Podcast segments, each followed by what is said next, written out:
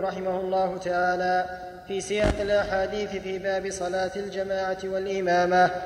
عن ابن عباس رضي الله عنهما قال صليت مع رسول الله صلى الله عليه وسلم ذات ليلة فقمت عن يساره فأخذ رسول الله صلى الله عليه وسلم برأسي من ورائي فجعلني عن يمينه متفق عليه.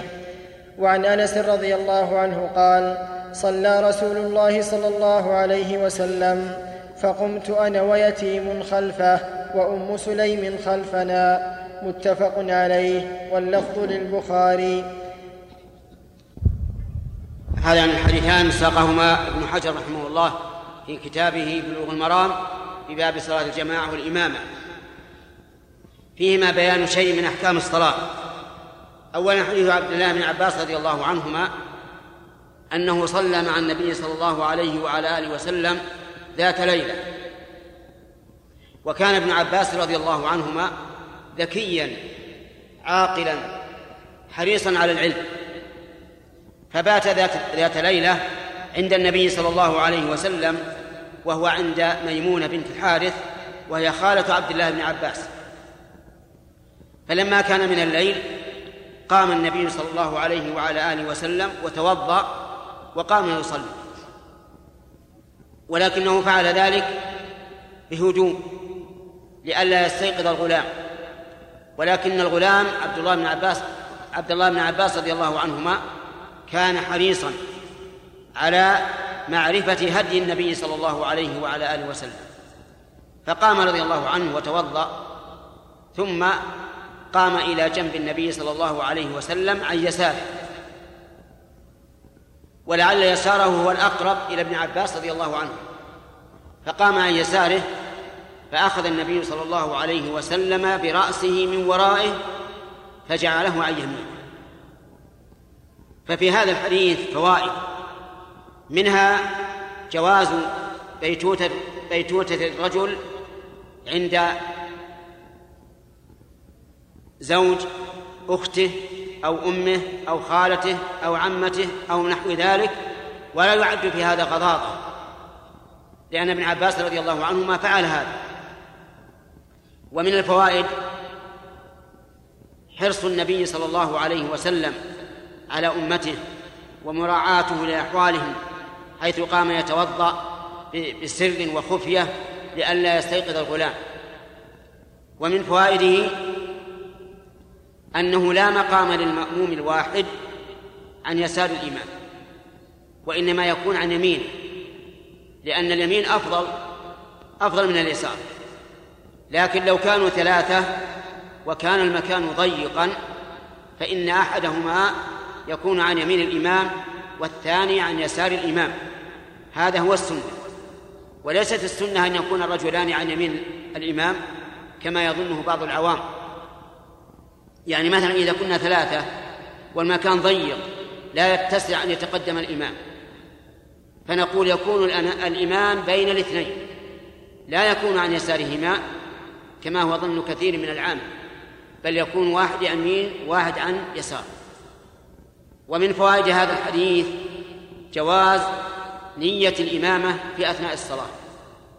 لأن النبي صلى الله عليه وعلى آله وسلم دخل في الصلاة وهو لا يظن أن ابن عباس سيقوم معه.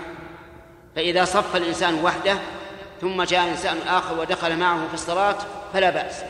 فينوي هذا الأول ينوي أن يكون إماما ويكمل الصلاة.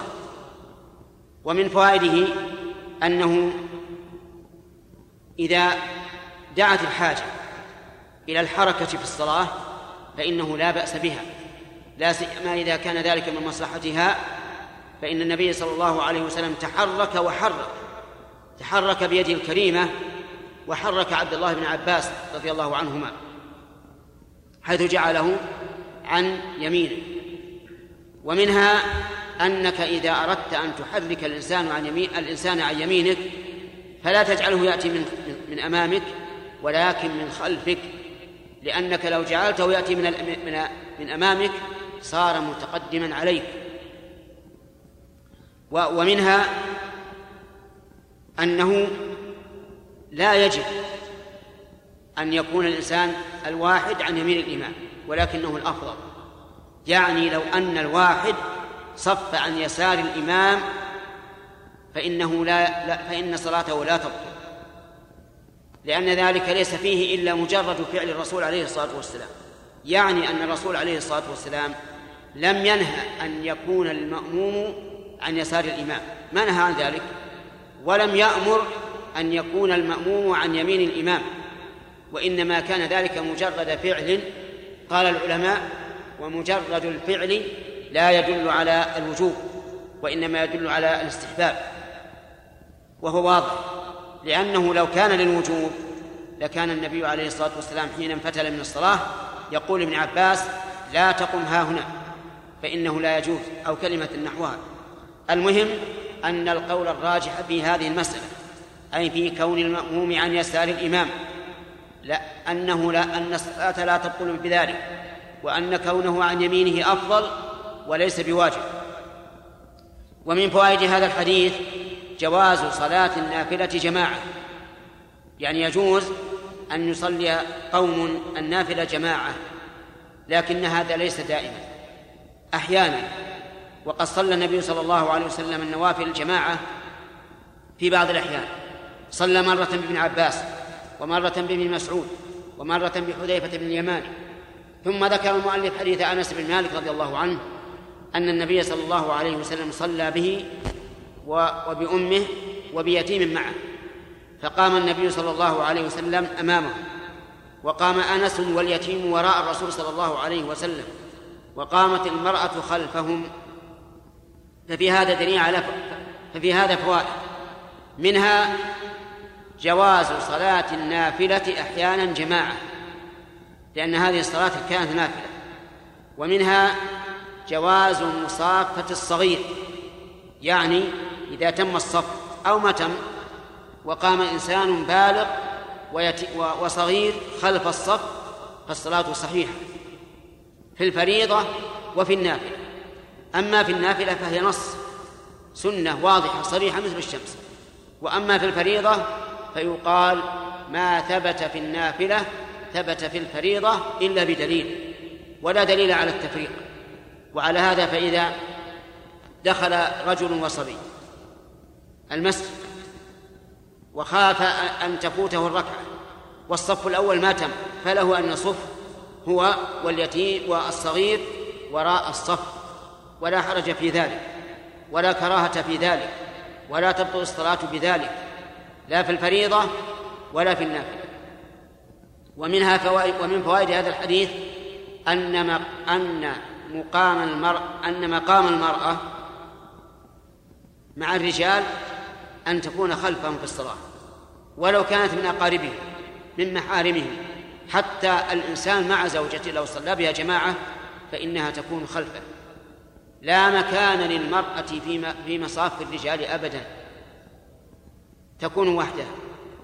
ومن فوائد هذا الحديث أن الإنسان إذا جاء والصف قد تم فإنه يصف خلف الصف وحده ولا حرج عليه. ووجه ذلك أن النبي صلى الله عليه وسلم جعل المرأة خلف الرجال وحدها لأنه لا مكان لها في الصف شرعا.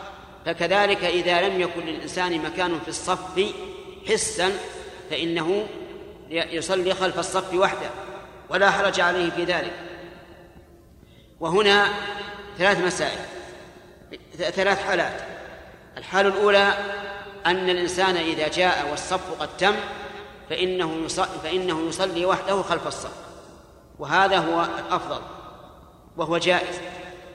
الحال الثانية أن يجذب أحدا من الصف ليصلي معه وهذه لا تجوز لأنه إذا فعل ذلك أساء إلى صاحبه حيث أخره من الصف الفاضل إلى المفضول ولأنه يفتح فرجة في الصف فينقطع الصف وقد قال النبي صلى الله عليه وسلم من قطع صفا قطعه الله. الثالث الثالثة أنه يشوش على هذا المصلي ما الذي جذبني؟ ولماذا؟ الحال الثانية أن يتقدم ويصلي مع الإمام. وهذه أيضا غير صحيح هذا لا لا يصح. لماذا؟ لأنه يؤدي إلى أن يتخطى الصفوف. وتخطي الصفوف منهي عنه حتى أن الرسول عليه الصلاة والسلام رأى رجلا يتخطى الناس وهو يخطب فقال اجلس فقد آذيت. ثم إذا دخل مع الإمام وجاء بعده آخر ولم يجد مكانا قلنا اذهب من عند مع الإمام. ذهب. صاروا ثلاثة. ثم إذا جاء آخر صاروا أربعة. وهلم جرا. فيكون الإمام صفا تاما. وهذا خلاف السنة. لذلك تبين أن القول الراجح الموافق للأصول الشرعية أن الإنسان إذا جاء والصف تام فإنه يصلي وحده خلف الصف بصلاة الإمام ولا بأس في ذلك. والله موفق. هذه فائدة مهمة وهو أنه إذا كان إمام ومأموم اثنين بعض الناس يقول يتأخر المأموم عن اليمين عن الإمام قليلا وهذا غلط. هذا خلاف الحق وخلاف ما أمر به النبي صلى الله عليه وسلم من تسوية الصف لأن الإمام مع المأموم الواحد صف والسنة في الصف التسوية تسوية الصف فهذا لا, لا أصل له ولا صحة له حتى وإن قال به بعض العلماء فهو قول ضعيف جدا بل ساقط لا يعمل به.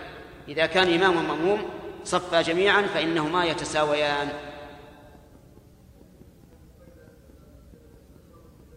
نعم. أي نعم إذا لم إذا لم يكن عذر. نقل المؤلف رحمه الله تعالى في سياق الأحاديث في باب صلاة الجماعة والإمامة عن أبي بكرة رضي الله عنه أنه انتهى إلى النبي صلى الله عليه وسلم وهو راكع فركع قبل أن يصل إلى الصف فقال له النبي صلى الله عليه وسلم زادك الله حرصا ولا تعد رواه البخاري وزاد أبو داود فيه فركع دون الصف ثم مشى إلى الصف.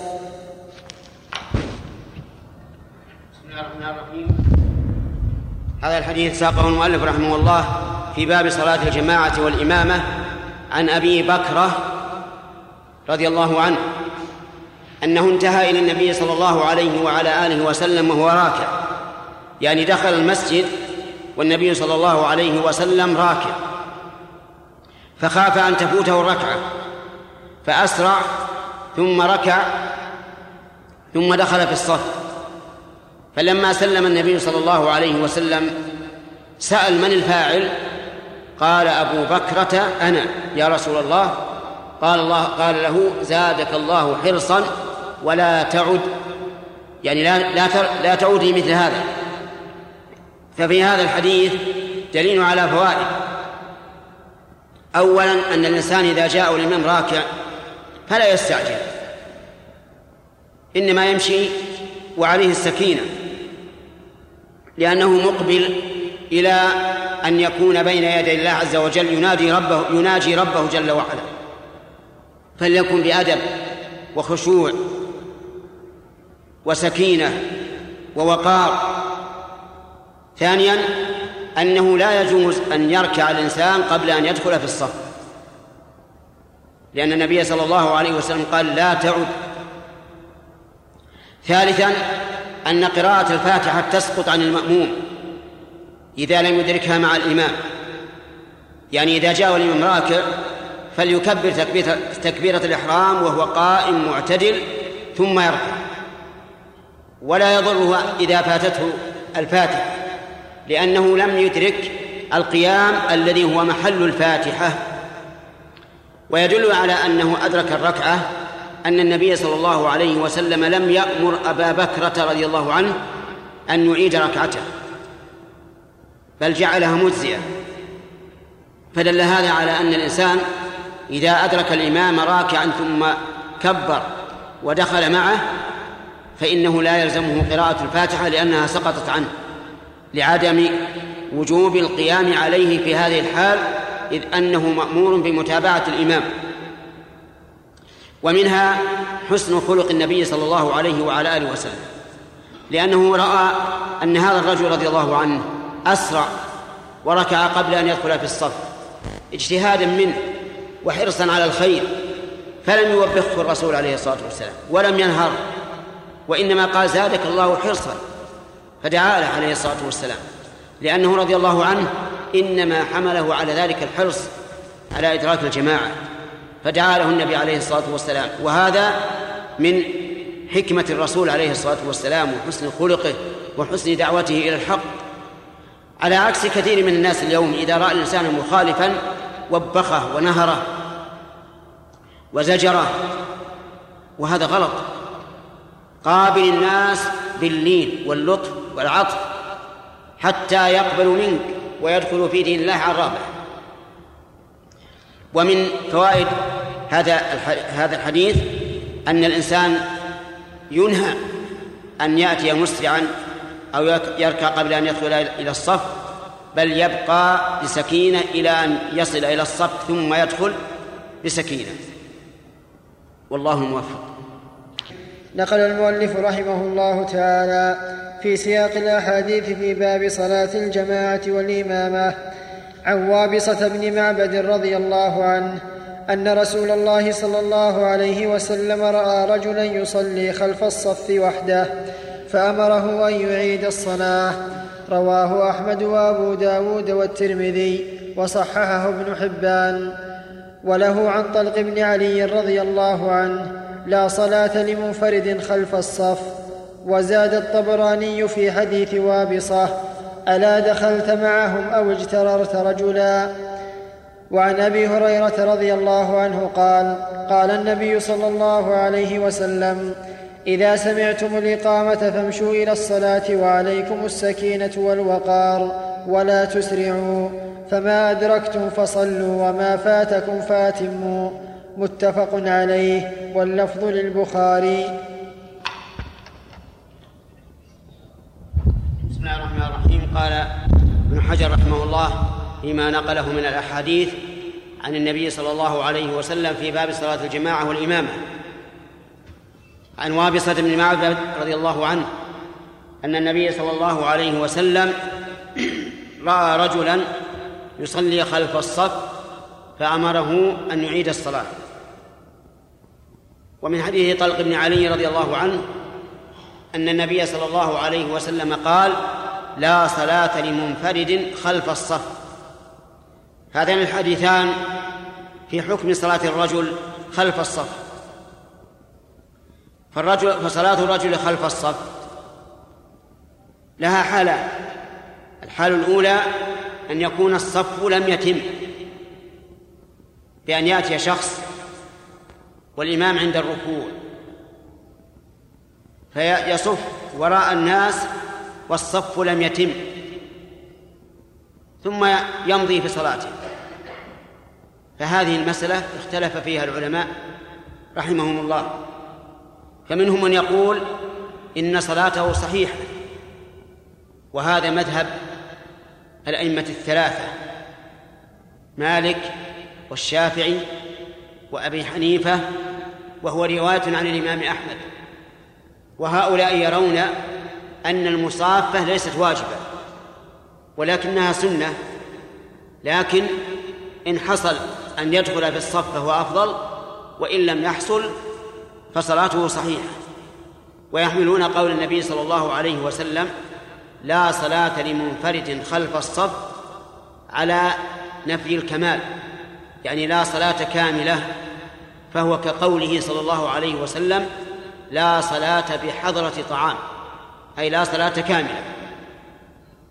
والقول الثاني أن الصلاة خلف الصف صلاة المنفرد باطلة يجب عليه أن يعيد الصلاة سواء كان الصف تاما أم لم يتم. وهذا هو المشهور من مذهب الإمام أحمد رحمه الله. ودليلهم أن النبي صلى الله عليه وسلم قال لا صلاة لمنفرد خلف الصف وأنه لما رأى رجلا يصلي وحده خلف الصف أمره أن يعيد الصلاة. ولا يؤمر بالإعادة إلا من كانت صلاته باطلة. والقول الثالث أنه إن كان الصف تاما فلا بأس أن يصلي وحده. وإن كان غير تام فصلاته باطلة. وهذا اختيار شيخ الإسلام ابن تيمية رحمه الله وهو الحق وهو الصواب لأن الله تعالى يقول اتقوا الله ما استطعتم وهذا الرجل ما ما يستطيع أن يدخل في الصف فإذا صلى وحده لتمام الصف الذي قبله فصلاته صحيحة ولا يؤمر بالإعادة. وعلى هذا يحمل أمر النبي صلى الله عليه وسلم الرجل الذي رآه يصلي خلف الصف أنه لم يج أنه وجد مكانا لكنه فرط وصلى وحده. وهذا هو الصحيح. وأما ما في حديث وابصة هل لا دخلت معهم أو اجترت أحدا فهو يدل على أن الصف لم يتم. لقوله هل, هل لا دخلت معهم؟ لأنه لا يمكن أن يدخل معهم إلا إذا كان الصف غير تام. وأما قوله أو اجترت أحدا فهذا ليس بصحيح. الحديث هذا ضعيف. لأنه لا يجوز أن يجر الإنسان أحدا من الصف لأجل أن يصف معه.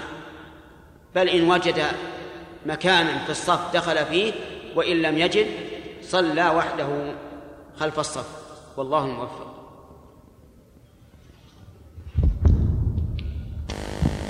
نقل المؤلف رحمه الله تعالى في سياق الأحاديث في باب صلاة الجماعة والإمامة. عن أبي هريرة رضي الله عنه قال قال النبي صلى الله عليه وسلم إذا سمعتم الإقامة فامشوا إلى الصلاة وعليكم السكينة والوقار ولا تسرعوا فما أدركتم فصلوا وما فاتكم فاتموا. متفق عليه واللفظ للبخاري. وعن أبي بن كعب رضي الله تعالى عنه قال قال رسول الله صلى الله عليه وسلم صلاة الرجل مع الرجل أزكى من صلاته وحده وصلاته مع الرجلين أزكى من صلاته مع الرجل وما كان أكثر فهو أحب إلى الله عز وجل.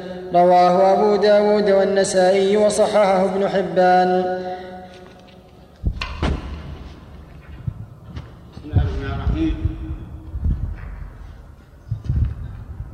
نقل الحافظ ابن حجر رحمه الله في كتابه بلوغ المرام في باب صلاة الجماعة والإمامة. عن أبي هريرة رضي الله عنه أن النبي صلى الله عليه وسلم قال إذا سمعتم الإقامة فامشوا إلى الصلاة وعليكم السكينة والوقار ولا تسرعوا فما أدركتم فصلوا وما فاتكم فأتموا. قوله إذا سمعتم الإقامة يعني إقامة الصلاة. وهذا دليل على أن الإقامة تسمع من خارج المسجد وهو كذلك. وكان بلال رضي الله عنه يقيم خارج المسجد من أجل أن يسمعه الناس. ولهذا كان يقول للنبي صلى الله عليه وسلم لا تسبقني بآمين. ففيه دليل على أن ما يصنعه بعض الناس اليوم من إقامة الصلاة في مكبر الصوت من على المنارة لا بأس به. لأن هذا كان جنسه موجودا في عهد النبي صلى الله عليه وعلى آله وسلم. لكن الذي لا ينبغي أن تنقل الصلاة من على المنارة لأن هذا يشوش على أهل البيوت في بيوتهم وعلى أهل المساجد القريبة ويحصل في هذا ارتباك وأذية. ولهذا لما رأى النبي صلى الله عليه وسلم أصحابه يصلون اوزاعا ويجهرون بالقراءة. قال عليه الصلاة والسلام كلكم يناجي ربه. يعني أنه لا حاجة لرفع الصوت. الإنسان يناجي ربه عز وجل. فلا يؤذين بعضكم بعضا في القراءة. وهذا حديث صحيح. أخرجه أصحاب السنن. فقول لا يؤذين يدل على أن هذا أذية. والأذية لا سيما في العبادات أقل أحوالها الكراهة. فما يفعله بعض الناس من أنه يرفع صوت الصلاة من على المنارة في الصلوات لا شك أنه مؤذي وأنه آثم إذا شوش على المصلين الآخرين. ولقد بلغنا أنه في بعض في بعض البلاد يكون صوت القارئ وأداؤه للقراءة جيدا. فيشوش على المسجد الآخر الذي بقربه حتى إنه أحيانا يتابعون المسجد الآخر وينسون قراءة إمامه وربما أمنوا على على قراءة المسجد المجاور. وهذا لا شك أنه غلط عظيم. وما الذي يستفاد من هذا؟ لا يستفاد شيئا. لا يستفاد شيء أبدا. إلا أنه يؤذي جيران المسجد قد يكون بعض الناس يريد أن ينام له صبيان ينامون مريض قلق كل الليل صلى الفجر ويريد أن ينام الفجر ويحصل بذلك أذى أذى على الناس. لكن بعض الناس يزين له الشيء في عينه دون أن ينظر إلى إلى عواقبه. أما الإقامة فلا بأس بها إن شاء الله على أن بعض الناس يقول أيضا لا تسمعون الإقامة. لأن أولادنا يبقون في البيت, في البيت نقول روحوا الصلاة يقول ما بعد أقام. لكن نقول ما دام ما دام إنه ورد جنسها في السنة فلا يمكن النهي عنها. وأيضا من فوائد هذا الحديث إذا سمعتم الإقامة أن الإنسان إذا سمع الإقامة فليمشي على عادته بسكينة ووقار. سكينة في القلب والجوارح ووقار في الهيئة لا يكون مخففا ولا يسرع بل كأنه مقبل على أعظم من يعظمه وإذا كان لو لو أن الإنسان أقبل على ملك من ملوك الدنيا لوجدته يقبل بسكينة ووقار صلح المشلح صلح الغترة ويهندم نفسه لأنه سيقابل من؟ ملكا فكيف وهو مقبل على الله عز وجل؟ ملك الملوك جل وعلا. لا تسع الأمر واسع. يقول عليه الصلاة والسلام ما أدركتم فصلوا وما فاتكم فأتموا. ومن فوائد هذا الحديث تعظيم الصلاة. تعظيم الصلاة لأن النبي صلى الله عليه وسلم أمر أن يؤتى إليها بسكينة ووقار. ومنها أن الإنسان إذا أدرك الإمام على حال فليدخل معه. لقوله ما أدركتم فصلوا حتى لو أدركته ساجدا فكبر للإحرام قائما ثم اسجد. لا تقل انتظر حتى يقوم. لا. اسجد. وإن كان انك لا تدرك الركعة لكن النبي صلى الله عليه وسلم يقول ما أدركتم فصلوا ومنها أيضا أن الإنسان لا يقوم لقضاء ما فاته حتى تنتهي صلاة الإمام. لقوله وما فاتكم فأتموا والإتمام لا يكون إلا بعد انتهاء الاقتداء. وبهذا نعرف خطأ بعض بعض الناس الذين يقومون لقضاء ما فاتهم قبل أن يسلم الإمام. إما قبل أن يسلم التسليمتين وإما قبل أن يسلم التسليمة الثانية. وقد ذكر بعض الفقهاء أن الإنسان إذا قام قبل أن يسلم الإمام التسليمة الثانية لقضاء ما فاته فإن صلاته تنقلب نفلا ويجب عليه إعادة الصلاة من جديد. هكذا ذكر فقهاء الحنابلة رحمهم الله. فالمسألة خطيرة. انتظر لا تقم لقضاء ما فاتك حتى يسلم الإمام التسليمتين جميعا. ومن فوائد هذا الحديث أن ما يقضيه الإنسان آخر صلاته. لأن إتمام الشيء بآخره. ولهذا قال فأتموا وعليه فإذا أدركت مع الإمام صلاة في صلاة العصر ركعتين. فقد فاتك؟ كم؟ ركعتان. إذا قمت لقضائهما فاقرأ الفاتحة فقط ولا تقرأ معها غيرها لأن آخر الصلاة يقتصر فيه على الفاتحة. وهذا أيضا كقوله في في بعض ألفاظ الحديث وما فاتكم فاقضوا لأن قوله فقد يعني أتم. الحديث يفسر بعض بعض. والقضاء يأتي بمعنى الإتمام في اللغة العربية كما في قول الله تبارك وتعالى فقضاهن سبع سماوات في يومين قضاهن يعني أتمهن. أما حديث أبي بن كعب رضي الله عنه فإن النبي صلى الله عليه وسلم قال فيه صلاة الرجل مع الرجل أزكى من صلاته وحده وصلاته مع الرجلين أزكى من صلاته مع الرجل وما كان أكثر فهو أحب إلى الله. ففيه دليل على مسائل أيضا. المسألة الأولى أنه كلما كثر الجمع في الصلاة فهو أفضل. لقوله تعالى لقوله صلى الله عليه وسلم ما كان أكثر فهو أحب إلى الله. المسألة الثانية أنه إذا دخل رجلان وقد فاتتهما الصلاة فإنهما يصليان جماعة لأن صلاة الرجل مع الرجل أزكى من صلاته وحده أحسن من كونهما يتفرقان كل واحد يصلي وحده. وما ذهب إليه بعض الناس من أنه إذا دخل رجلان لا يصليان جماعة بل يصليان كل واحد منفردا فهو غلط. غلط عظيم واضح. لأن الرسول يقول ما كان أكثر صلاة الرجل مع الرجل أزكى من صلاته وحده وهذا عام. وإذا كان النبي عليه الصلاة والسلام لما دخل رجل قد فاتته الصلاة قال من يقوم مع هذا فيتصدق عليه ويصلي معه. إذا كان أمر أن يصلي هذا الرجل مع الرجل مع أنها نافلة كيف إذا كانت فريضة؟ وهذا من غرائب العلم ومن أخطاء الفهم. أن يقال إذا دخل اثنان فاتتهما الصلاة لا يصليان جماعة. وإن دخل واحد يقوم واحد من أهل المسجد يصلي معه. هذا قلب للمعلومات وللحقائق وهو خطأ واضح. إيش الدليل؟ قالوا لأن ابن مسعود رضي الله عنه دخل يوم من الأيام ومعه أصحابه وكان الناس قد صلوا فرجع فصلى في بيته.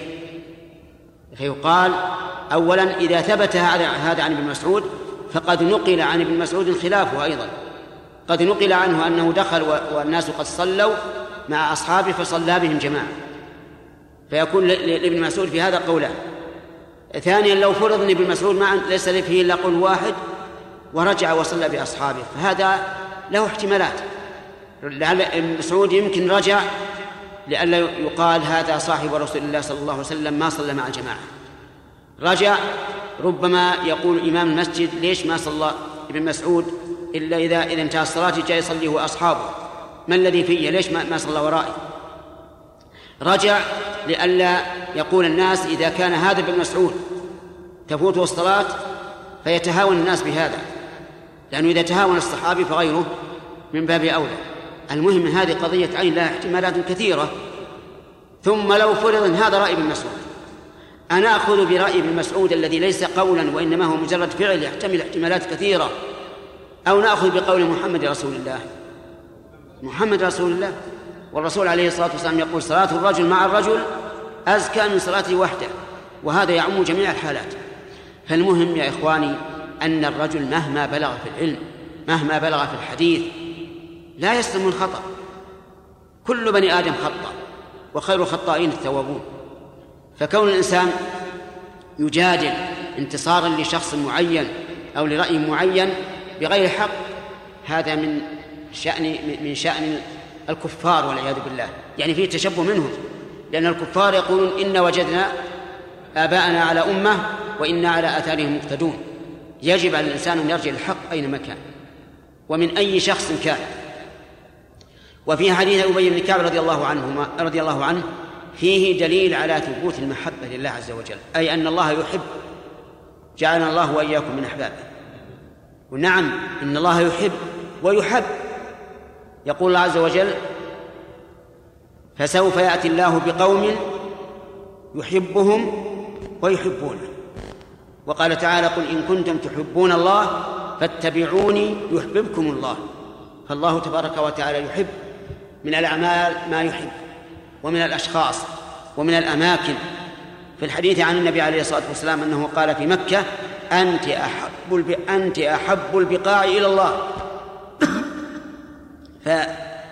فالمؤمنون أهل السنة والجماعة يقولون كل صفة أثبتها الله لنفسه أو أثبتها له, له رسوله فإننا نقبلها ونؤمن بها ونعتقدها ثابتة لله مهما كانت. فيجب علينا أن نقول إن الله تعالى يحب وإنه يحب عز وجل. وألذ شيء للإنسان محبة الإنسان في بعض الأحيان يكون قلبه فارغا إلا من إلا من ذكر الله. يجد في قلبه محبة ولذة مع الله عز وجل. لا يساويها أي شيء في الدنيا. وأحيانا تستولي عليه الغفلة وتمر به الأيام وهو لا يحس بشيء. نسأل الله أن يجعلنا وإياكم من أحبابه. اللهم إنا نسألك حبك وحب من يحبك وحب العمل الذي يقربنا إلى حبك. أي أي اي غلط. هذا غلط منه غلط غلط غلط. سمعت كلامي. لا لا الله. نقل المؤلف رحمه الله تعالى في سياق الأحاديث في باب صلاة الجماعة والإمامة. عن أنس رضي الله عنه أن النبي صلى الله عليه وسلم استخلف ابن أم مكتوم يؤم الناس وهو أعمى. رواه أحمد وأبو داود. ونحوه لابن حبان ونحوه لابن حبان عن عائشة رضي الله تعالى عنها وعن ابن عمر رضي الله عنهما قال قال رسول الله صلى الله عليه وسلم صلوا على من قال لا إله إلا الله وصلوا خلف من قال لا إله إلا الله. رواه الدار قطني بإسناد ضعيف. وعن علي بن أبي طالب رضي الله تعالى عنه قال قال رسول الله صلى الله عليه وسلم إذا أتى أحدكم الصلاة والإمام على حال فليصنع كما يصنع الإمام. رواه الترمذي بإسناد ضعيف. بسم الله الرحمن الرحيم. هذه ختم بها المؤلف رحمه الله. باب صلاة الجماعة والامامه الأول في إمامة الأعمى. هل يجوز أن يكون الأعمى إماما للمبصرين؟ فقد دل الحديث الأول على أنه يجوز أن يكون الأعمى إماما للمبصرين لأن النبي صلى الله عليه وعلى آله وسلم استخلف ابن أم ابن أم مكتوم يصلي بالناس وهو رجل أعمى. وهو وهذا داخل داخل في عموم قول النبي صلى الله عليه وعلى آله وسلم يؤم القوم أقرأهم لكتاب الله. فإذا كان رفقة معهم أعمى وهو أقرأهم لكتاب الله فهو أحقهم بالإمام. لكن لو استوى أعمى وبصير في في التقديم بأن كان كلهم بأن كان كلهما في القراءة سواء أو في السنة أو في في السن. فإن البصير أولى لأن البصير أشد ضبطا للقبلة من الرجل الأعمى. فالرجل الأعمى ربما يتيامن أو يتياسر حتى لو عدلته أول ما تعدل في الصلاة ربما يتغير. لكن على كل حال العمى لا يمنع من الإمامة. وأما الثاني فهو هل يشترط في الإمام أن يكون عدلا مستقيما في دينه أو لا يشترط. الصحيح أنه ليس بشرط وأنه يجوز أن يكون الفاسق إماما في الصلاة كحالق اللحية مثلا وشارب الدخان. يجوز أن يكون إماما لأن كل من صحت صلاته صحت إمامته إلا المرأة فلا تكون إماما للرجال. وأما ما عدا ذلك فكل من صحت صلاته صحت إمامته. ولكن لو اجتمع رجلان كل منهما فاسق من وجه. كرجل يشرب الدخان ورجل حالق اللحية فأيهما يقدم؟ يقدم شارب الدخان على حالق اللحية. لأن حالق اللحية مجاهر والعياذ بالله بالمعصيه فإنه كأنه يقول للناس الذين يقابلونه اشهدوا أنه عاص للرسول والعياذ بالله. فإن الرسول صلى الله عليه وسلم أمر بإعفاء اللحى وهذا يمشي بين الناس حالقا لحيته كأنه يقول ويعلن عصيانه للنبي صلى الله عليه وسلم. شارب الدخان ليس يشربه دائما. وربما لا يشربه أمام الناس فهو أهون منه. ولهذا إذا اجتمع اثنان أحدهما يشرب الدخان والثاني حالق اللحية فالذي يصلي بالآخر هو شارب الدخان أولى من حالق اللحية. ولو اجتمع حالق اللحية ومسبل الثوب لكان حالق اللحية أولى بالإمامة من مسبل الثوب لأن مسبل الثوب إن كان يجره خيلا فإنه لا ينظر الله إليه يوم القيامة ولا يزكيه وله عذاب أليم. وإن كان لا يجره خيلاء لكن نزل عن الكعبين ففي النار. وأيضا الثياب تتعلق بالصلاة لأن الثوب ساتر للعورة فيتعلق بالصلاة.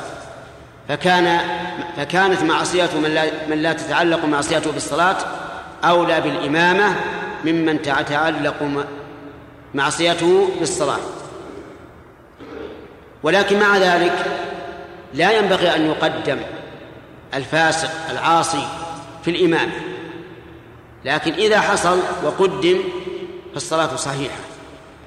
حتى لو كان مسكلا أو حالقا لحيته أو شاربا للدخان. لكن كلما كان الإمام أتقى لله عز وجل فهو أولى. أما آخر الأحاديث إذا أتى أحدكم الصلاة والإمام على حال فليصنع كما يصنع الإمام فهذا وإن كان ضعيفا لكن سبق ما يشهد له وهو قول النبي صلى الله عليه وعلى آله وسلم ما أدركتم فصلوا وما فاتكم فأتموا. والله الموفق. قال رحمه الله تعالى باب صلاة المسافر والمريض. عن عائشة رضي الله عنها قالت أول ما فرضت الصلاة ركعتين فأقرت صلاة السفر وأتمت صلاة الحضر متفق عليه وللبخاري. ثم هاجر ففرضت أربعا وأقرت صلاة السفر على الأول. زاد أحمد إلا المغرب فإنها وتر النهار وإلا الصبح فإنها تطول فيها القراءة. وعن عائشة رضي الله عنها أن النبي صلى الله عليه وسلم كان يقصر في السفر ويتم ويصوم ويفطر. رواه الدار قطني ورواته ثقات إلا أنه معلول. والمحفوظ عن عائشة من فعلها وقالت إنه لا يشق علي. أخرجه البيهقي. وعن ابن قال المؤلف رحمه الله تعالى في كتابه بلوغ المرام باب صلاة المسافر والمريض. المسافر هو المفارق لوطنه والمريض هو من اعتلت صحته. وكلاهما يحتاج إلى تيسير وتسهيل لأن السفر كما قال النبي صلى الله عليه وعلى آله وسلم قطعة من العذاب يمنع الإنسان نومه وراحته وهذا في الأسفار التي كانت على عهد الرسول عليه الصلاة والسلام. أما اليوم فالسفر ولله الحمد ميسر. لا يمنع الراحة ولا, ولا النوم لكن الحكم ثابت حتى مع عدم المشقة. واختلف العلماء رحمهم الله هل هل السفر محدود بمسافة معينة أم أنه يرجع فيه إلى العرف أي إلى ما يتعارفه الناس؟ فما كان سفرا عند الناس فهو سفر وما ليس بسفر فليس بسفر. الأقرب إلى القواعد الشرعية أنه راجع إلى العرف أي أن ما عده الناس سفرا يتأهب له الإنسان ويودع عند المفارقة ويستقبل عند الرجوع فهو سفر. وما لا فلا. وقال بعض العلماء إنه محدد واختلف المحددون كم يحدد؟ ثمانين كيلو تسعين كيلو أقل أكثر على خلاف بينهم. أما المريض فهو من اعتلت صحته والمرض أنواع أمراض العين أمراض الأسنان أمراض الأعضاء أمراض البطن أمراض الصحة العامة يختلف. لكن المراد بالمريض هنا المريض الذي يشق عليه أن يؤدي الصلاة كما يؤديها غيره. ثم ذكر حديث عائشة رضي الله عنها أن الصلاة أول ما فرضت الرباعية كانت أربعا أول ما فرضت كانت ركعتين الرباعية. فتكون الفجر ركعتين والظهر ركعتين والعصر ركعتين والعشاء ركعتين والمغرب ثلاثة لأنها وتر النهار. هذا أول ما فرضت الصلاة.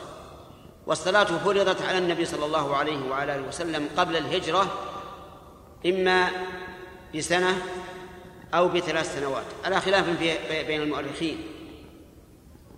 فكان الرسول صلى الله عليه وسلم في مكة كان يصلي الفجر ركعتين والظهر ركعتين والعصر ركعتين والمغرب ثلاثا والعشاء ركعتين. ولما هاجر إلى المدينة زيد في صلاة الحضر. فصار يصلي أربعا الظهر والعصر والعشاء. أما الفجر فبقيت على ما هي عليه لأنه عوض عن ركعتين بطول القراءة. وأما المغرب فبقيت على ما هي عليه لأنها وتر. لو أنه زيد فيها أو أو نقص اختلت اختلت الوترية. زيد في صلاة الحضر وبقيت صلاة السفر على ما كانت عليه. واختلف العلماء رحمهم الله في القصر للمسافر هل هو رخصة وسنة أو واجب؟ فقال بعض العلماء إنه واجب وقال آخرون إنه سنة والصواب أنه سنة مؤكدة وأنه يكره للإنسان المسافر أن يصلي أربعا بل يصلي ركعتين. ولولا فعل الصحابة رضي الله عنهم لكان القول بالوجوب أصح من القول بالاستحباب. لكن الصحابة رضي الله عنهم تابعوا عثمان بن عفان رضي الله عنه في الإتمام في السفر. فإن أمير المؤمنين عثمان رضي الله عنه قد علم أن خلافته بقيت مدة طويلة فكان في أول خلافته يصلي في الحج في منى ركعتين ركعتين كما كان النبي صلى الله عليه وسلم وأبو بكر وعمر يفعلون. ثم إنه رضي الله عنه بدا له أن يصلي اربعا في منى فكان يصلي اربعا. أنكر الصحابة عليه ذلك ولكنهم يصلون وراءه ويتمون. ولو كان القصر واجبا ما صلوا خلفه قصر إتماما. لأنه إذا كان القصر واجبا كان الإتمام زيادة متعمدة يبطل الصلاة. لولا هذا لكنت أقول بأن القصر واجب لأن الأدلة قوية جدا في الوجوب. لكن تبين لي من فعل الصحابة رضي الله عنهم أن القصر سنة مؤكدة وليس بواجب. إلا أنه إذا أتم المسافر بمن يتم لزمه الإتمام سواء أدرك الصلاة من أولها أو من أثنائها حتى لو لم يدرك إلا التشهد الأخير وجب عليه أن يتم. فمثلا لو أن إنسانا مسافرا مر بقوم يصلون ويتمون ودخل مع الإمام في الركعة الثالثة يعني أدرك ركعتين مع الإمام. وجب عليه أن يأتي بعد سلام الإمام بركعتين. ويتم. ولو أدركه في الرابعة لزمه أن يأتي كم؟ بثلاث ركعات. ولو أدركه في التشهد الأخير لزمه أن يأتي بأربع. فإذا قال قائل إذا شككت هل الإمام مسافر أو غير مسافر؟ فالجواب أن نعمل بالقرائن. إذا كانت القرينة تدل على أنه مسافر فهو مسافر كما يوجد الآن في المساجد التي على الطرق عند المحطات أو غير المحطات فإن الغالب الذي يغلب على الظن أن الناس الذين يصلون في هذه المساجد مسافرون. فإذا أدركت معه آخر ركعة وأنت مسافر تأتي بركعة واحدة. لأن الظاهر أنه مسافر. كذلك أيضا في المطار إذا كنت تنتظر الرحلة ووجدت أناسا يصلون فاعمل بالقرينة إذا وجدت هؤلاء القوم الذين القوم الذين يصلون إذا وجدت عندهم حقائبهم فهو دليل على أنهم مسافرون. إذا رأيت الإمام لابسا ما يلبسه أهل المطار.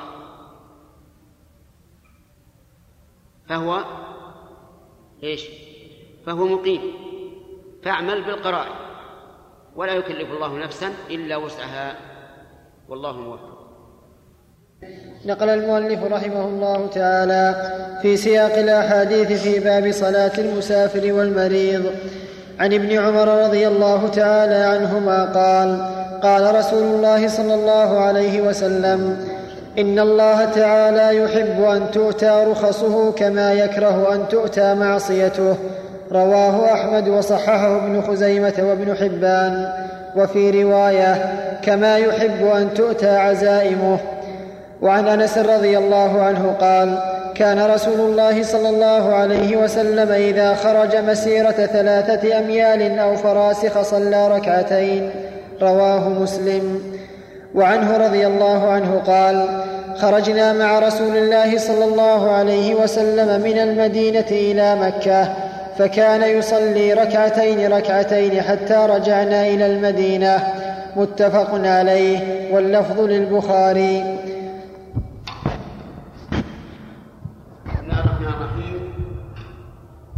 ذكر المؤلف رحمه الله في كتابه بلوغ المرام في باب صلاة المسافر والمريض.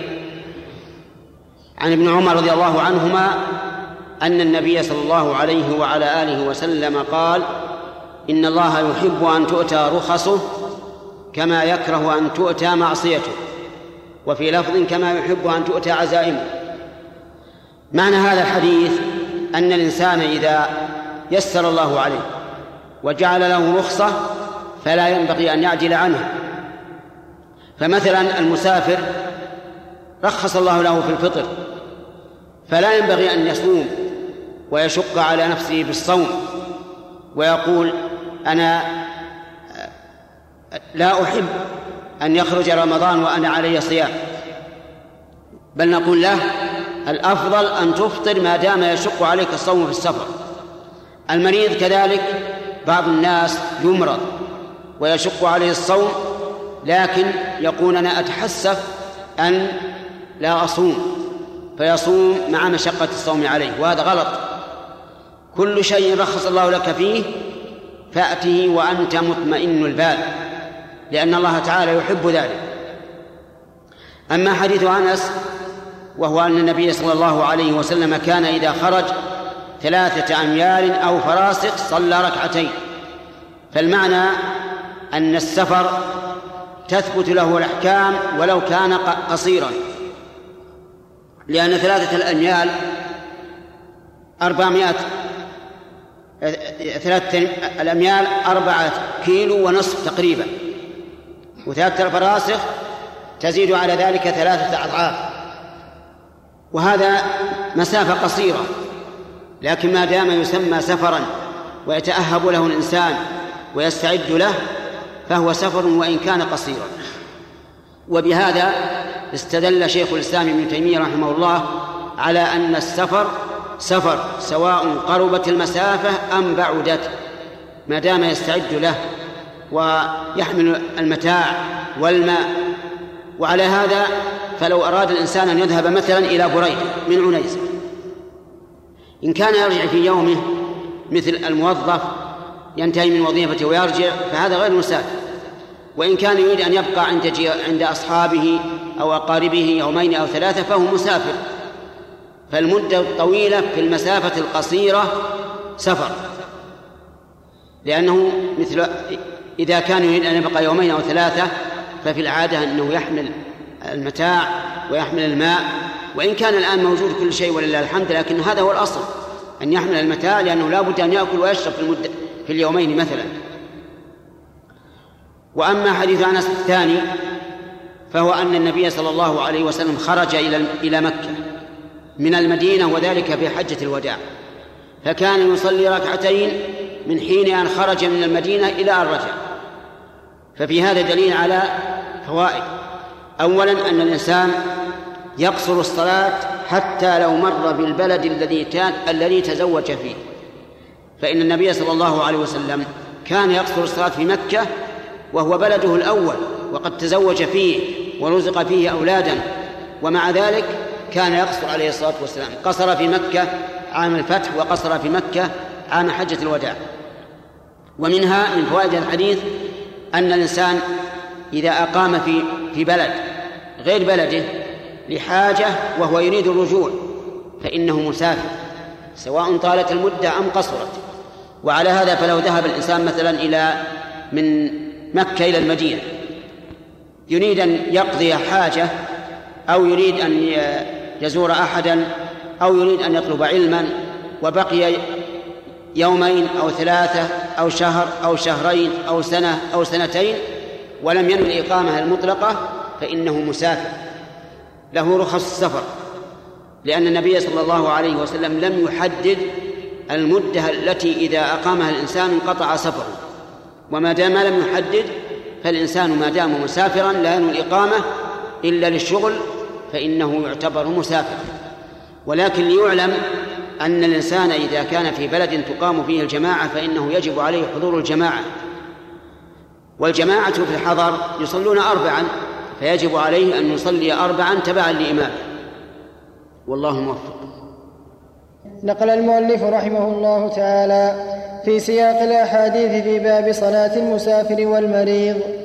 عن ابن عباس رضي الله عنهما قال أقام النبي صلى الله عليه وسلم تسعة عشر يوما يقصر وفي لفظ بمكة تسعة عشر يوما رواه البخاري.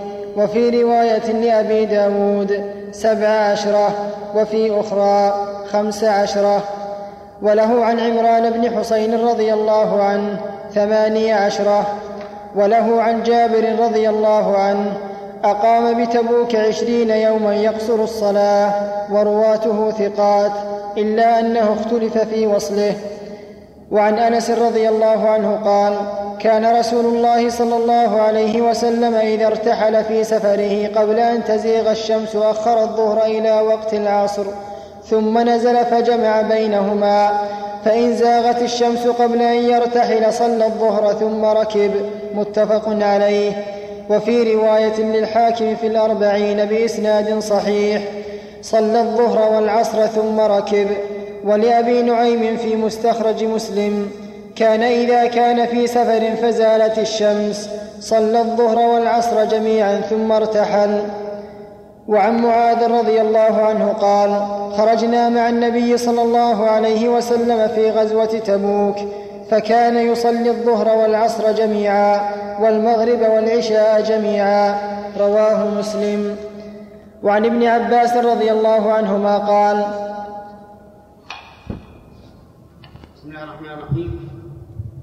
هذه الاحاديث ذكرها المؤلف رحمه الله في احكام قصر المسافر اذا اقام ببلد. هل يقصر ما دام مقيما حتى يرجع إلى بلده أو لا يقصر وهذه المسألة اختلف فيها العلماء على أقوال كثيرة. مثال ذلك رجل أراد أن يسافر إلى مكة للعمرة. فمر بالمدينة وأقام فيها أياما. وهو يريد مكة. فهل هو مسافر ما دام مقيما في المدينة ولو طالت المدة؟ أو إذا زاد عن أربعة أيام أو عشرة أيام أو خمسة عشر يوما أو تسعة عشر يوما أو ما أشبه ذلك. هذه المسألة اختلف فيها العلماء رحمهم الله. وكل منهم أدلى بما يرى أنه حجة ولكن كلها حجج متقابلة متعارضة. لا يصح منها إلا أن يقال ما دام الإنسان مسافرا فهو مسافر ولو أقام أياما أو شهورا. ما دام يريد أن يغادر البلد لكنه أقام مدة أيام ليستريح أو ليبيع تجارته أو ليشتري تجارة أو أو لأجل أن ينظر مريضا يريد أن يمرضه أو ما أشبه ذلك. فالصواب أنه لا حد لهذا وذلك لأن أي حدود يحدها الإنسان في عبادة من العبادات فإنه يقال له ما الدليل؟ لأن الحد يحتاج إلى دليل. قدر أربعة أيام يقال ما الدليل على الأربعة قدر عشرة يقال ما الدليل. فإذا لم يأتي بالدليل فما دام الوصف قائما فما دام الوصف قائما وهو السفر فهو مسافر. وهذا الذي اخترناه هو الذي اختاره شيخ الإسلام ابن تيمية رحمه الله. وهو اختيار شيخنا عبد الرحمن بن سعدي رحمه الله. وهو التحقيق عند التدقيق. لأنه مثلا يقول بعض العلماء إذا كنت مسافرا ومررت ببلد وأقمت فيه ونويت فيه الإقامة أكثر من أربعة أيام انقطع السفر. فيقال أين الدليل؟ ما في دليل. وقال بعض العلماء إذا قام خمسة عشر يوما. وقال بعض العلماء إذا قام تسعة عشر يوما. وقال بعض العلماء إذا قام خمسة أيام. وقد ذكر النووي رحمه الله في كتابه شرح المهذب المسمى بالمجموع ذكر أكثر من عشرين قول للعلماء. وهذا يدل على أنه ليس هناك نص فاصل بين. وإذا لم يكن هناك شيء نص فاصل بين محدد رجعنا إلى الأصل. وهو أن الإنسان مسافر ما دام مفارقا لوطنه فإذا رجع إليه فهو مقيم. ثم ذكر المؤلف أحاديث في هذا. ذكر فيها حديث ابن عباس رضي الله عنه أن النبي صلى الله عليه وسلم أقام بمكة تسعة عشر يوما يقصر الصلاة وفي رواية سبعة عشر يوما ولا معارضة بين الروايتين لأن الذي قال تسعة عشر يوما عد يوم الدخول يوم الخروج. والذي قال والذي قام والذي قال أقام سبعة عشر يوما حذف يوم الدخول ويوم الخروج والصافي سبعة عشر يوما. أما بقية الروايات فهي شاذة. لا معول عليه. يعني رواية خمسة عشر يوما هذه شاذة. لمخالفتها للأحاديث الصحيحة بقي عندنا تسعة عشر يوما سبعة عشر يوما ثمانية عشر يوما.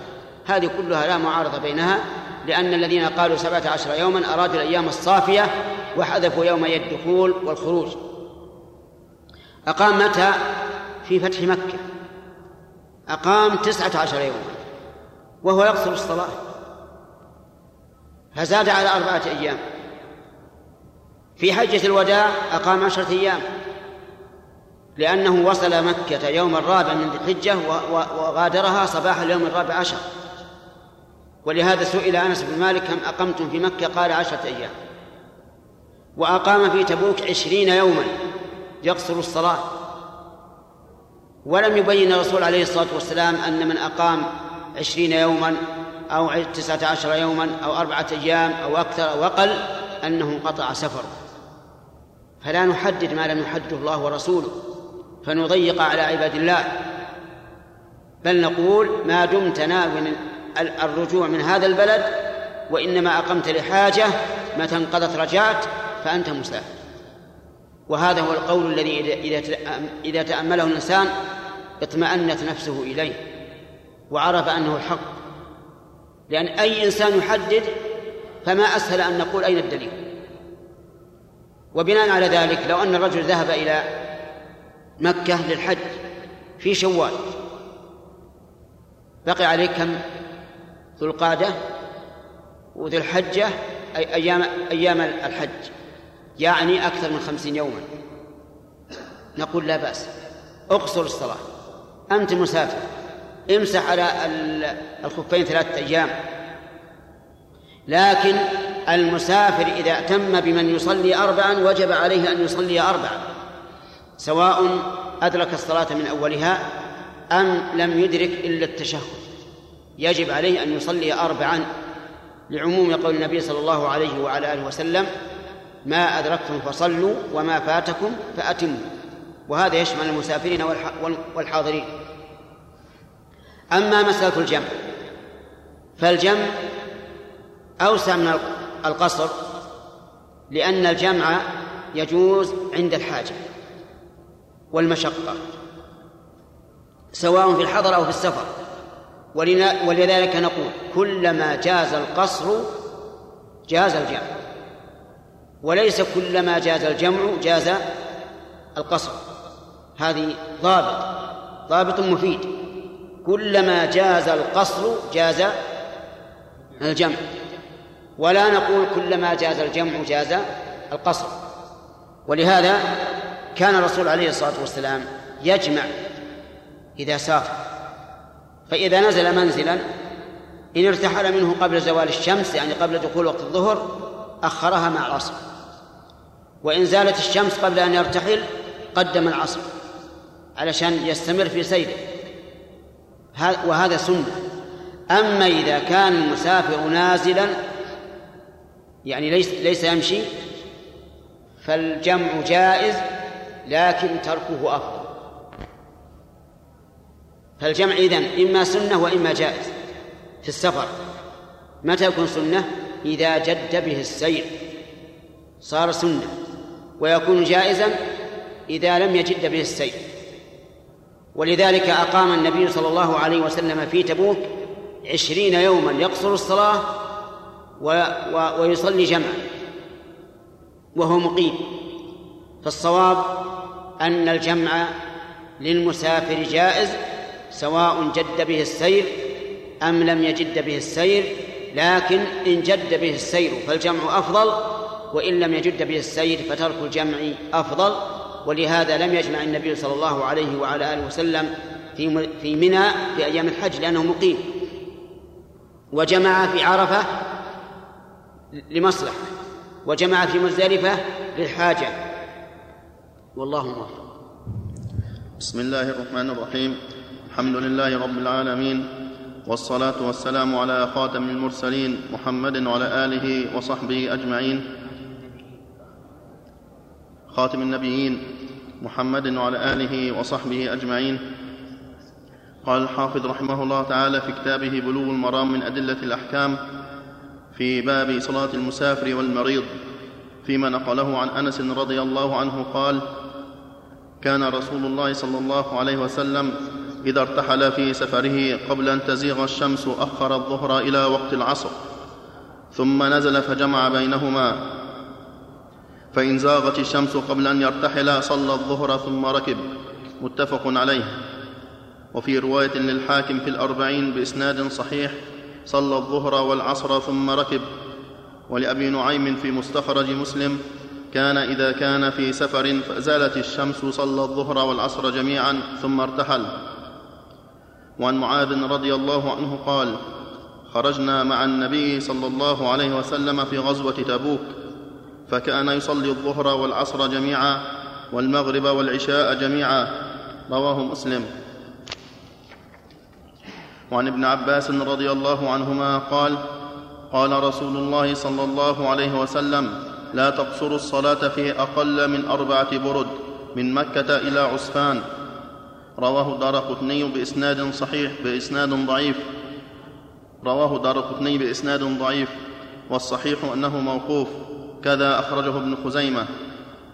وعن جابر رضي الله تعالى عنه قال قال رسول الله صلى الله عليه وسلم خير أمتي الذين إذا أساءوا استغفروا وإذا سافروا قصروا وأفطروا.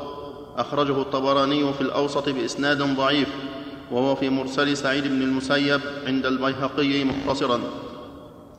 وعن عمران بن حسين رضي الله عنه قال كانت بي بواسير فسألت النبي صلى الله عليه وسلم عن الصلاة فقال صل قائما فإن لم تستطع فقاعدا فإن لم تستطع فعلى جنب.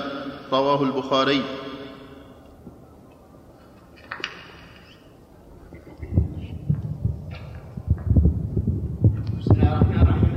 هذه أحاديث في بيان الجمع في السفر. الجمع في السفر جائز سواء كان الإنسان نازلا أو سائرا لأنه ثبت عن النبي صلى الله عليه وعلى آله وسلم أنه جمع في مكة في حجة الوداع وهو نازل في الأبطح في حديث أبي جحيفة رضي الله عنه. لكن الأفضل للمسافر إذا كان نازلا أن لا يجمع إلا لحاجة. وأما إذا كان سائرا فالأفضل أن يجمع. ولكن هل يجمع جمع تقديم أو جمع تأخير؟ ينظر للأيسر والأسهل. وكان النبي صلى الله عليه وعلى آله وسلم إذا زالت الشمس قبل أن يرتحل صلى الظهر والعصر جمع تقديم ثم ارتحل. وأما إذا ارتحل قبل أن تزيغ الشمس فإنه يؤخر الظهر إلى العصر لأن ذلك أيسر له.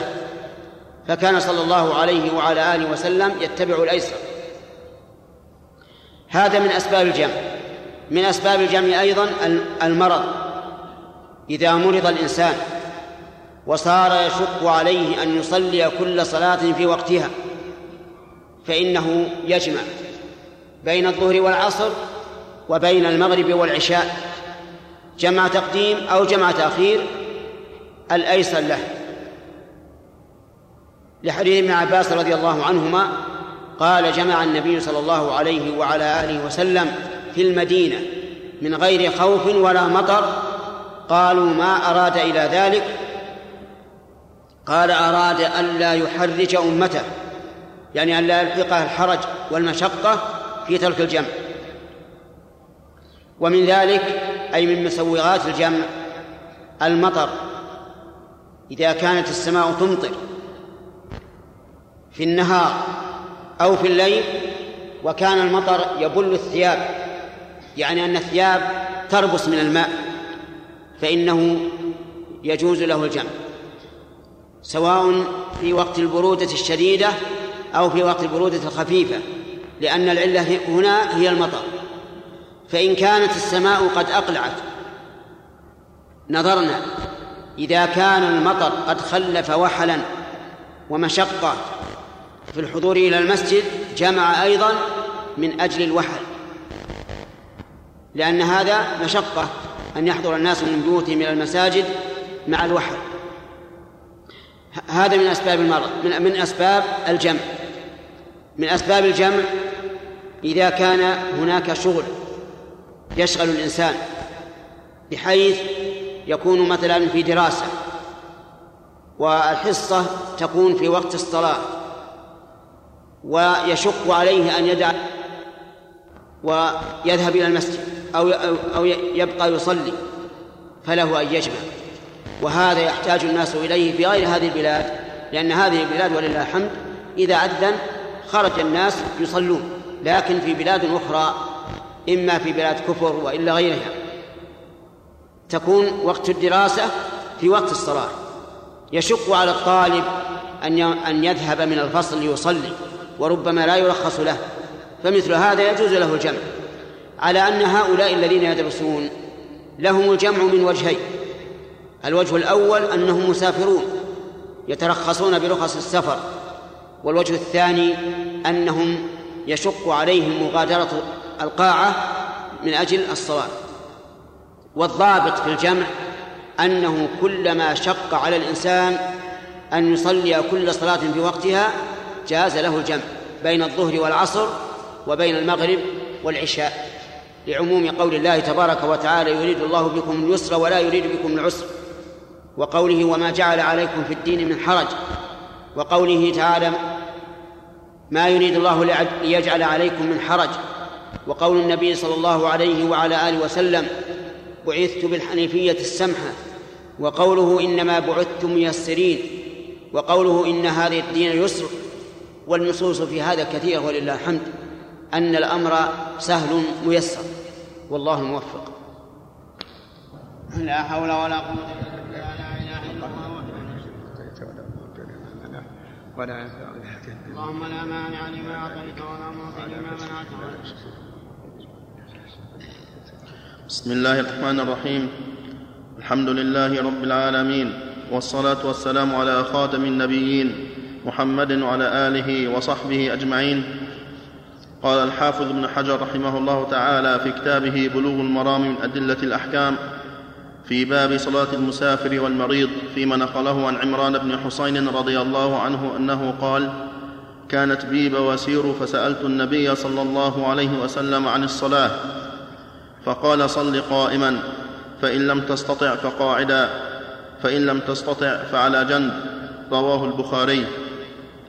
وعن جابر رضي الله تعالى عنه أنه قال عاد النبي صلى الله عليه وسلم مريضا فرآه يصلي على وسادة فرمى بها وقال صل على الأرض إن استطعت وإلا فأوم إيماء واجعل سجودك أخفض من ركوعك. رواه البيهقي وصحح أبو حاتم وقفه. وعن عائشة رضي الله عنها أنها قالت رأيت النبي صلى الله عليه وسلم يصلي متربعا. رواه النسائي وصححه الحاكم.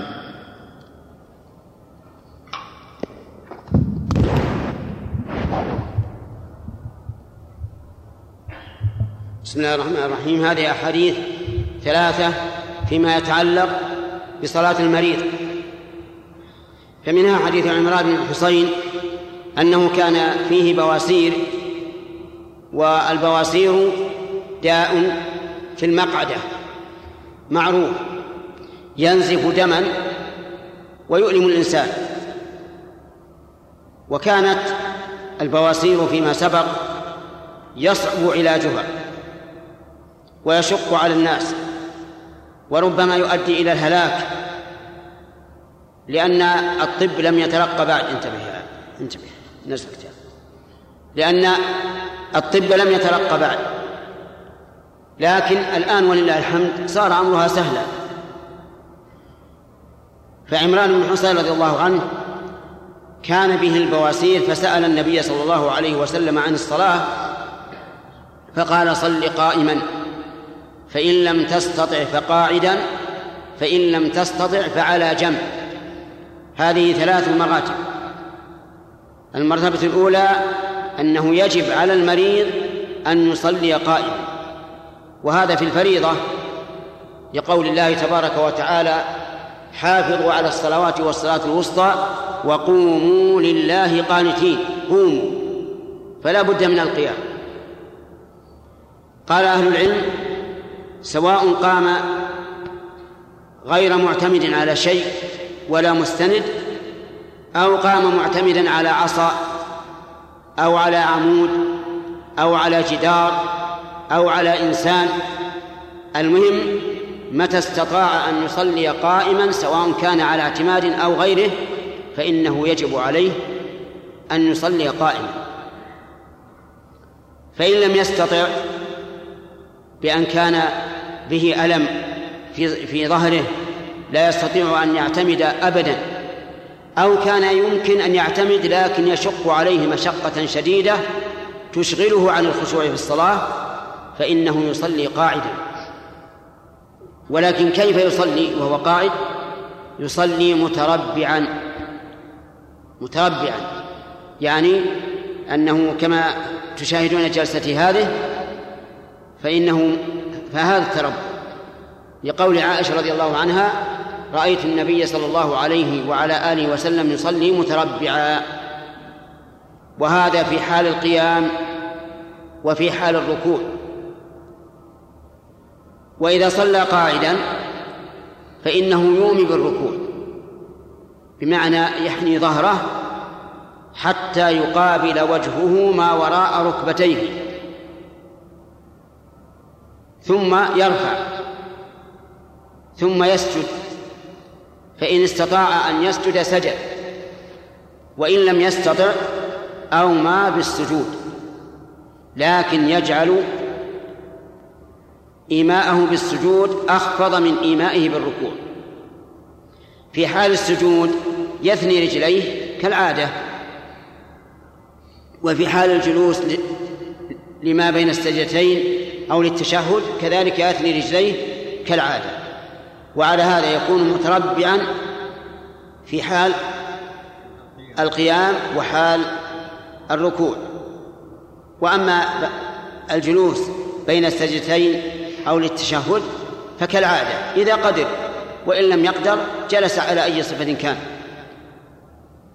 في هذا الحديث دليل على يسر الشريعة وتسهيلها. وأن الأمر فيها واسع ولله الحمد. وأن الإنسان يفعل ما يقدر عليه من الواجب وما لا يقدر عليه فإنه يسقط عنه. فإن قال قائل إذا كان لا يستطيع أن يصل إلى الأرض في إيمائه فهل يضع شيئا مرتفعا يسجد عليه كالوسادة والمنصة الصغيرة وما أشبه ذلك؟ فالجواب لا. لا يفعل. لأن هذا من التكلف. ولهذا رأى النبي صلى الله عليه وسلم رجلا يصلي على وسادة فرمى, فرمى بها النبي عليه الصلاة والسلام. يعني أخذها وأبعدها وأمره أن يومي بالسجود. لأننا منهيون عن التنطع والتعمق. ومأمورون بأخذ بالأخذ باليسر والسهولة ولله الحمد. فإن قال قائل إذا كان يستطيع أن يسجد إلا على جبهته. يعني مثلا إنسان فيه جروح في الجبهة لا يستطيع أن يصل إلى الأرض بجبهته لكن يستطيع أن يحني ظهره إلى قريب السجود. فهل نقول لما سقط عنه السجود بالجبهة سقط عنه باليدين؟ أو نقول يسجد باليدين ويقرب جدا إلى الأرض بقدر ما يستطيع؟ الجواب بالثاني. يعني مثلا نقول أنت الآن الذي يمنعك من السجود على الجبهة جروح مثلا. انحني حتى تصل إلى قريب من الأرض. لأنه لأن هيئتك حينئذ أقرب إلى الساجد من الإيماء. فيلزمه أن يضع كفيه على الأرض ثم يدني جبهته إلى الأرض بقدر ما يستطيع. فإذا قال قائل إنه يستطيع أن يسجد على الأرض لكن قد قال له الطبيب لا تسجد على الأرض لأنه قد سوى عملية في عينه والطبيب يقول لا تسجد. فهل يأخذ بقول الطبيب أو يقول أنا قادر وسأسجد ولا أبالي؟ فالجواب يأخذ بقول الطبيب. يأخذ بقول الطبيب ولا يسجد. لو قال أنا بسجد أتحمل الألم حال السجود ولا يهمني قلنا لا. إن الله تعالى يقول لا تقتلوا أنفسكم الله أرحم بك من نفسك. لا تسجد فإذا قال إن الطبيب غير مسلم فهل أقبل قوله؟ فالجواب نعم يقبل قوله ولو كان غير مسلم. لأن هذه مهنة وصنعة. ولا غرض للكافر في أن يغر المسلم بها. الكافر يريد أن تنجح صنعته. ولا حرج بالأخذ بقول الكافر إذا كان موثوقا به من حيث الصنعة. ويدل لهذا أن النبي صلى الله عليه وعلى آله وسلم أخذ بقول الكافر في أخطر حال يكون عليها الرسول عليه الصلاة والسلام. الرسول عليه الصلاة والسلام كان في حال خطرة ومع ذلك أخذ بقول الكافر.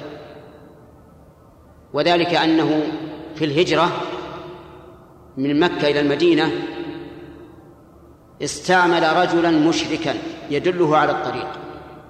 استأجره. يقال له عبد الله بن أريقط. استأجره ليدله على الطريق. ومعلوم أن هذا أن فيه إيش؟ في خطر على الرسول عليه الصلاة والسلام. يعني ربما دله هذا المشرك على قريش وقريش كانت تطلبه. ومع ذلك لما وثق بقوله وأنه رجل ماهر في الدلالة اعتبر دلالته. فهذا دليل على أنه يجوز الأخذ بالقول الكافر في مثل هذه الأمور. لأن هذا مو مسألة دينية نقول ربما أضله. هذه مسألة صنعة تجريبية. فيجوز أن يأخذ بقول الكافر إذا قال لا تسجد على الأرض لأن ذلك يخل بالعملية. ومثل ذلك لو قال له لا تصوم في رمضان. لأن ذلك يؤثر على بدنك فله أن يفطر بقوله ما دام واثقا به. ذكرنا أن حديث عمران بن حصين صل قائما فإن لم تستطع فقاعدا فإن لم تستطع فعلى جنب في الفريضة. النافلة النافلة يجوز للإنسان أن يصلي قاعدا ولو كان قادرا على القيام. لكنه إذا صلى قاعدا وهو قادر على القيام كتب له نصف الأجر. فقط. وإن كان عاجزا كتب له الأجر كاملا. لقول النبي صلى الله عليه وعلى آله وسلم من مرض أو سافر كتب له ما كان يعمل صحيحا مقيما. فإن قال قائل إن النبي صلى الله عليه وسلم قال لعمران فإن لم تستطع فعلى جنب. يعني يتوجه إلى القبلة ويصلي على جنبه. أي الجنبين؟ الأيمن أو الأيسر. الذي يسهل عليه. سواء الأيمن أو الأيسر. ويومي برأسه في الركوع والسجود. فإن لم يستطع أن يومي بالرأس فماذا يصنع؟ قال بعض العلماء يومي بالعين. وقال بعض العلماء لا يومي بالعين. لأن الإيماء إنما ورد في الرأس وأما الإيماء الإيماء بالعين فحديثه ضعيف. وهذا الثاني اختيار شيخ الإسلام ابن تيمية رحمه الله. يقول ما في إيماء في العين إما في الرأس وإلا فلا شيء عليه. وأما ما يفعله بعض العوام يومي بأصبعه يعني يوقف يوقف الإصبع وعند الركوع يثنيه قليلا وعند السجود يثنيه أكثر فهذا لا أصل له. ولا يعمل به. لأنه لم يأتي في القرآن ولا في السنة ولا في أقوال لكنه رأي عامي بحت فلا عمل عليه. والله الموفق لا إله إلا الله ولا شريك له لا إله إلا الله وحده لا شريك له. وعلى حسن هذا لا إله إلا الله وحده لا شريك له. اللهم لا مانع لما أعطيت ولا معطي لما منعت. بسم الله الرحمن الرحيم. الحمد لله رب العالمين. والصلاة والسلام على خاتم النبيين محمد وعلى آله وصحبه أجمعين. قال الحافظ ابن حجر رحمه الله تعالى في كتابه بلوغ المرام من أدلة الأحكام باب صلاة الجمعة. عن عبد الله بن عمر وأبي هريرة رضي الله عنهم أنهما سمعا رسول الله صلى الله عليه وسلم يقول على أعواد منبره لينتهين أقوام عن ودعهم الجمعات أو ليختمن الله على قلوبهم ثم ليكونن من الغافلين. رواه مسلم.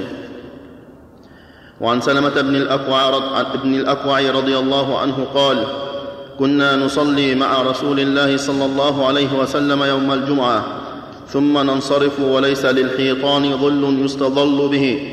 متفق عليه واللفظ للبخاري. وفي, وفي لفظ المسلم كنا نجمع معه إذا زالت الشمس ثم نرجع نتتبع الفيء.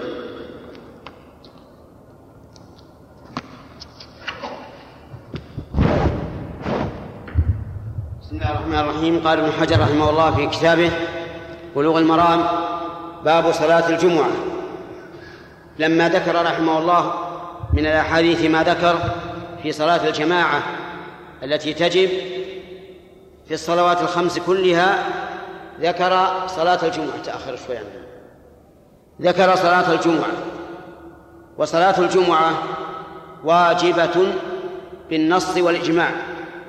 قال الله تبارك وتعالى يا أيها الذين آمنوا إذا نودي للصلاة من يوم الجمعة فاسعوا إلى ذكر الله. وثبت عن النبي صلى الله عليه وسلم ما ذكره ابن حجر رحمه الله في هذا الكتاب عن أبي هريرة وعبد الله بن عمر رضي الله عنهم أن النبي صلى الله عليه وسلم قال على أعواد منبره يعني يوم الجمعة يخطب الناس. لينتهين أقوام عن ودعهم الجمعات أو لا أو لا يختم الله على قلوبهم فلا يكونن من الغافلين والعياذ بالله. وهذا وعيد شديد. وصلاة الجمعة أوكد أوكد بكثير من صلاة الجماعة لأن المسلمين مجمعون على وجوبها لم يخالف بها لم يخالف منهم أحد. ثم هي صلاة فريدة منفردة. لا تجمع إليها العصر لأنها صلاة مستقلة لا بد فيها من من جمع ولا بد فيها من من اجتماع الناس فيها على إمام واحد ولها مزايا كثيرة وخصائص معلومة. لذلك كانت مؤكدة جدا ففي الحديث الذي ذكره المؤلف رحمه الله دليل على أن ترك الجمعة من كبائر الذنوب. وقد ثبت عن النبي صلى الله عليه وسلم أن من ترك ثلاث جمع تهاونا طبع الله على قلبه والعياذ بالله. فلا يصل إليه الخير. كالنقود التي وضع التي ختمت بالطابع. لا يمكن أن يدخلها شيء ولا يخرج منها شيء. فكذلك من ترك ثلاث جمع تهاونا ثم إن الجمعة تختص بالمدن والقرى فلا تقام في البوادي ولا تقام في الأسفار لأنها لا بد فيها من اجتماع كبير وهذا لا يكون في البوادي والأسفار. لذلك لو أن إنسانا مسافر ثم أدرت أدركته الجمعة وهو في السفر.